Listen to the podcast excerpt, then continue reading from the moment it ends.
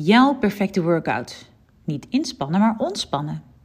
Dat klinkt toch fantastisch dat je voor een goede workout niet hoeft in te spannen, maar dat je mag ontspannen. De grap is echter dat ontspannen voor veel vrouwen veel moeilijker blijkt te zijn dan inspannen. Klinkt raar en denk je dat het niet op jou van toepassing is? Maar ben je toch eigenlijk wel nieuwsgierig waarom ontspannen dan zo'n goede workout is? Ik ga het je vertellen. En mocht je nou liever willen lezen of nog eens na willen lezen, op HipFitMam kun je dit verhaal ook als blog terugvinden.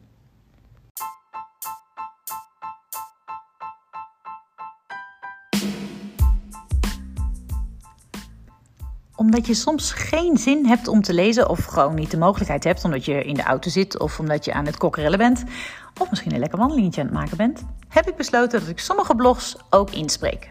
Zo kun je lekker op je eigen tijd, met eventueel oortjes in je oren, gewoon lekker luisteren naar mijn blog en op die manier de informatie tot je nemen. En oké, oké, plaatjes die mis je dan natuurlijk wel, maar ik zal proberen alles zo goed mogelijk te verwoorden. Mocht je ze dan toch nog na willen lezen of verder willen bekijken, dan kun je ze allemaal vinden op hipfitman.nl.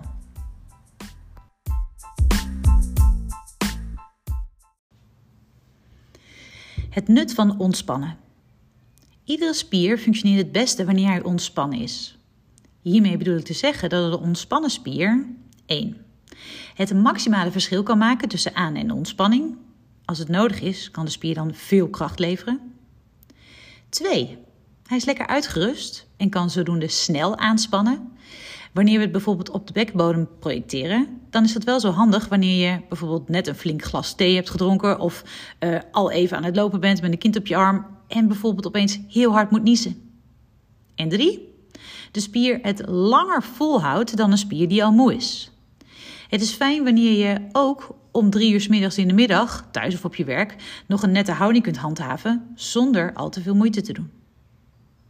Het ontspannen van spieren op het moment dat je ze niet nodig hebt, kan dus heel erg nuttig zijn. Dan kunnen ze namelijk lekker uitrusten, bijkomen of na een workout sterker worden en dus herstellen dan dat ze daarvoor al waren. Automatisch werkende spieren. Voor veel spieren geldt dat ze aanspannen wanneer het nodig is. Neem bijvoorbeeld je romspieren, oftewel je core. Wanneer jij in je hoofd bedenkt dat je gaat opstaan, dan spannen de stabiliteitsspiertjes automatisch aan om ervoor te zorgen dat je je benen vervolgens optimaal kunt gaan gebruiken onder een stabiele basis. Zo kun je symmetrisch opstaan zonder alle kanten op te zwabberen. Best handig. Ook je bekkenbodem behoort tot je core en is zo'n automatisch aangestuurde spier. Je kunt ook wel bewust deze spieren aanspannen, maar in de basis doen ze automatisch wat ze behoren te doen. Andere spieren, zoals bijvoorbeeld je armspieren, werken bewust. Wanneer jij je kopje thee op wilt tillen, bedenk je dit bewust en gebruik je je arm.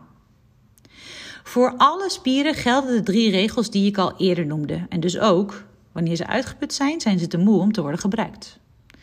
Voor die bewuste spieren is dat echter vaak wat logischer te voelen en te bevatten dan voor de spieren die je niet bewust aanstuurt. De ontspanning hiervan is vaak ook wat lastiger te voelen dan bijvoorbeeld het ontspannen van je bovenarm. Maar er is goed nieuws, want die ontspanning kun je wel leren voelen. Daarover straks meer. En wanneer jij meer gaat ontspannen, dan zul je echt merken dat je een groot verschil kunt gaan maken met betrekking tot je energielevel. En dan ben je dus bezig met een sterk staaltje klachtenpreventie. Zeker wanneer je dat ook nog eens combineert met een juiste buikdrukopvang. Om jezelf iets eigen te maken gelden altijd drie stappen. 1. Bewust worden van wat je nu doet. 2. Het bewust aanpassen van datgene waar je nog in kunt verbeteren. En 3. Het in het systeem krijgen van het goede of het op de juiste manier doen. Laten we beginnen met deel 1. Bewust worden van spanning, dan wel ontspanning. Eerst even een testje. En niet stiekem verplaatsen of veranderen van houding nu, alleen maar voelen. Vraag 1. Nu je dit luistert, heb je nu je buik ontspannen? Of kan die misschien nog een leveltje lager? En vraag nummer 2. Heb je je billen ontspannen? Als je staat is dat verschil soms moeilijk te voelen. Maar als je zit, als je een beetje wiebelt, dan voel je misschien wel dat je eigenlijk nog wat verder kunt komen in die ontspanning. Dat je wat platter op je kont kunt zitten. Het verschil is soms ook goed te voelen door eerst even aanspannen en dan los te laten. En dan voel je vaak ook wel goed in hoeverre je aanspanning of ontspanning hebt. Er is een grote kans dat je op één of beide vragen nee hebt geantwoord, terwijl je nu dus zit of staat.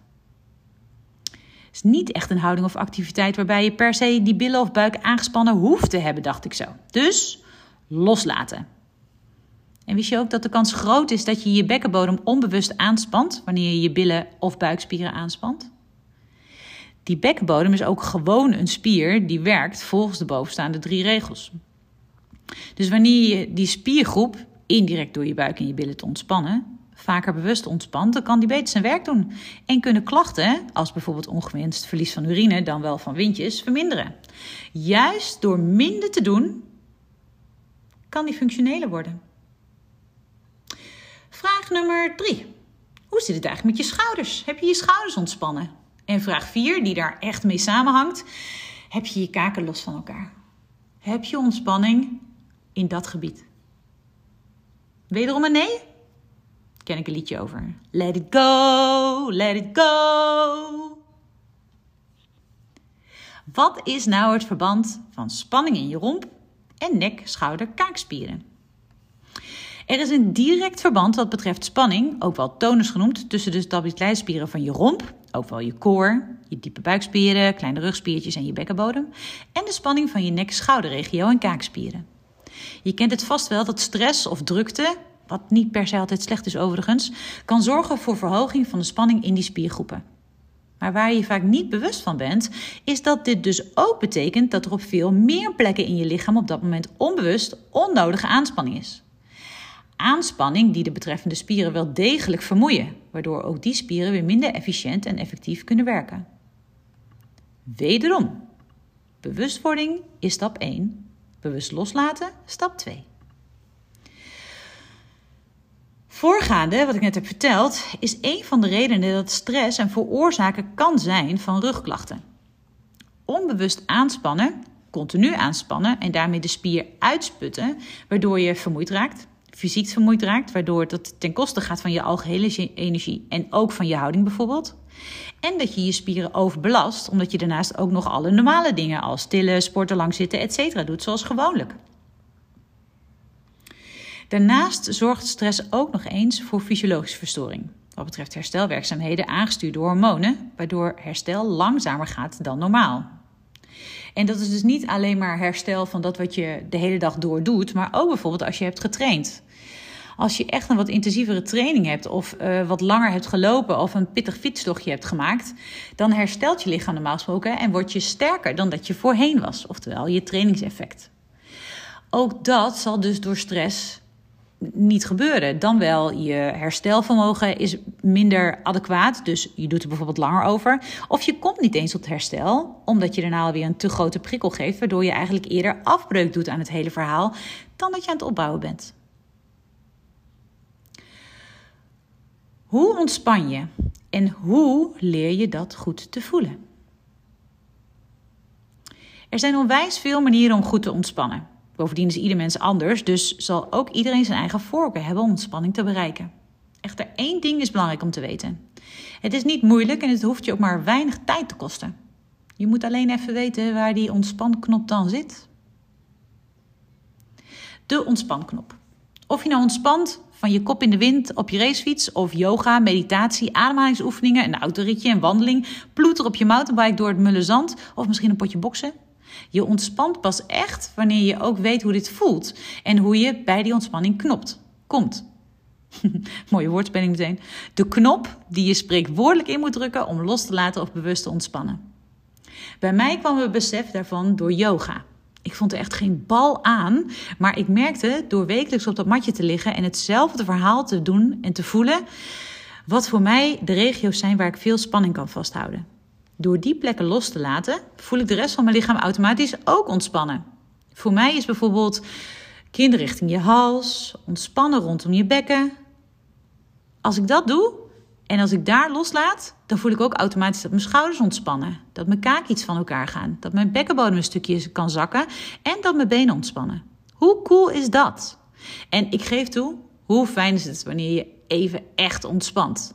En hoe lekker wanneer je daar maar 10 seconden voor nodig hebt.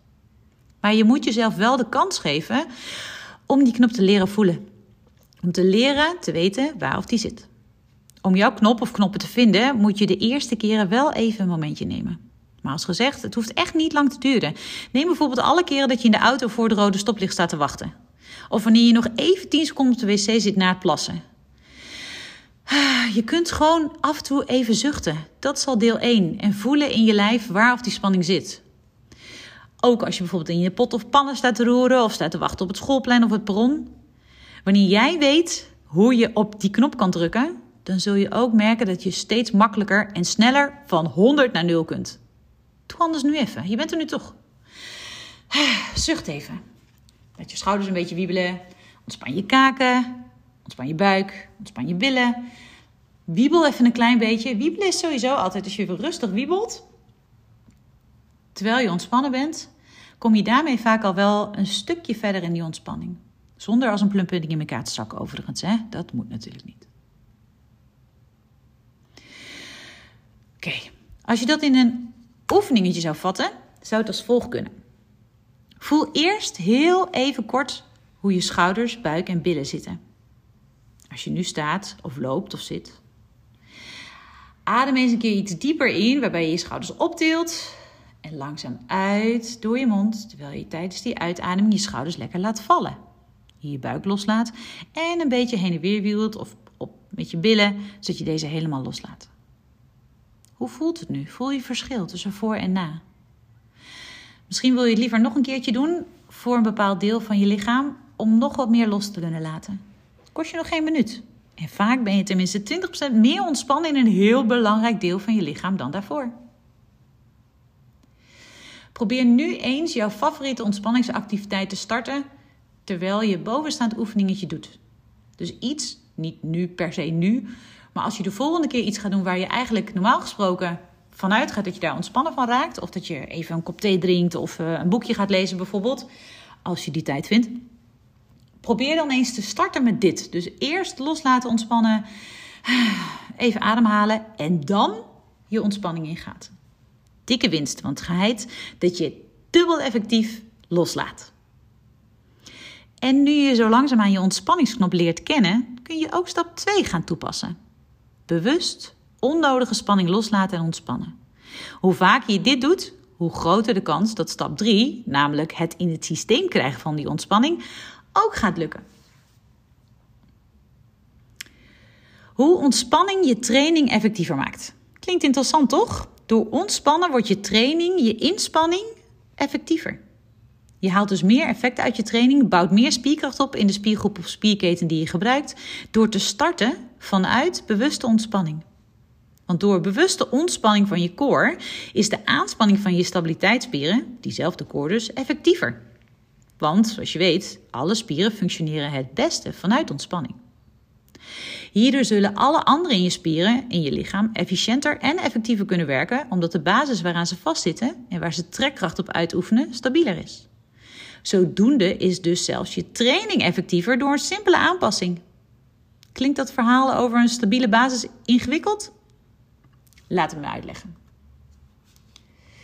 metafoor voor het gevolg van een instabiele basis versus een stabiele basis.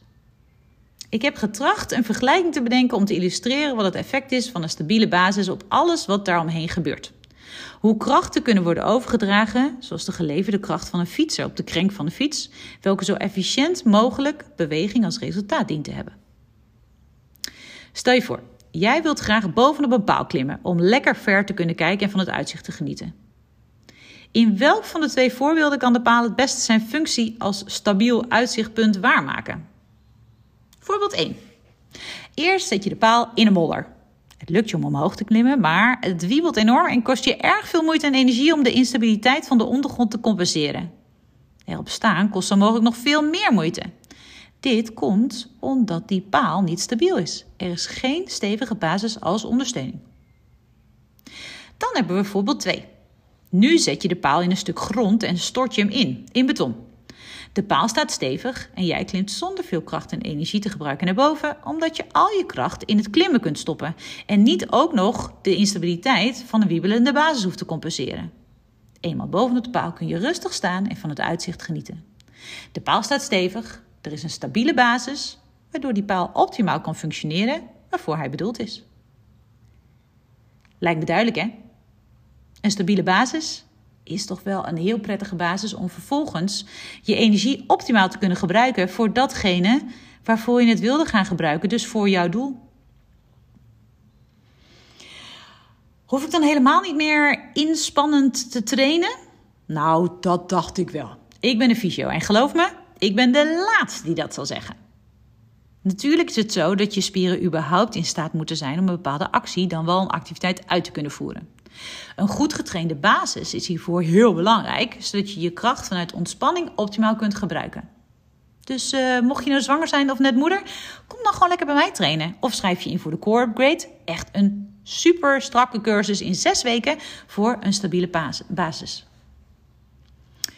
Uiteraard kun je ook gewoon lekker aan de gang gaan bij een trainer met verstand van zaken. Maar zorg er in ieder geval voor dat die core dat die stabiel is en train wat je trainen wil. Ja, maar ik beweeg de hele dag al. Ik moet toegeven, dat levert bij mij een zucht op. Want hoe vaak ik moeders wel niet op mijn vraag sport je ook heb horen antwoorden. Ik beweeg de hele dag. Dat is dan toch wel genoeg sport? Nee dus. Je lichaam heeft meer nodig dan alleen tussen aanhalingstekens wandelen, fietsen, de trap op en af en met kids spelen. En ja, ik weet dat je daar al heel druk mee bent en dat het ook een goede workout is. Alleen dienen deze inspanningen een ander doel. Uithoudingsvermogen en duurkracht verbeteren van bepaalde spiergroepen wanneer je ze lang achter elkaar doet. Maar specifieke training voor je benen, rug, armen, romp, oftewel je core en je bekkenbodem geven je echt een boost. Want zo kun je namelijk veel beter je basishouding optimaliseren en volhouden, waardoor je veel lichamelijke klachten kunt voorkomen en sowieso door de dag heen al energie kunt besparen. En laten we wel wezen, naast dat sporten goed voor je is fysiek, is het mentaal misschien nog wel veel belangrijker als moeder. Heerlijk even om je kop even leeg te kunnen maken. Even de dag te vergeten en die positieve hormoontjes wakker te schudden. En wanneer je dat dan ook nog buiten kunt doen, dan doet de buitenlucht en het licht er nog een positief schepje bovenop. Conclusie? Beter ontspannen zorgt voor effectievere inspanning.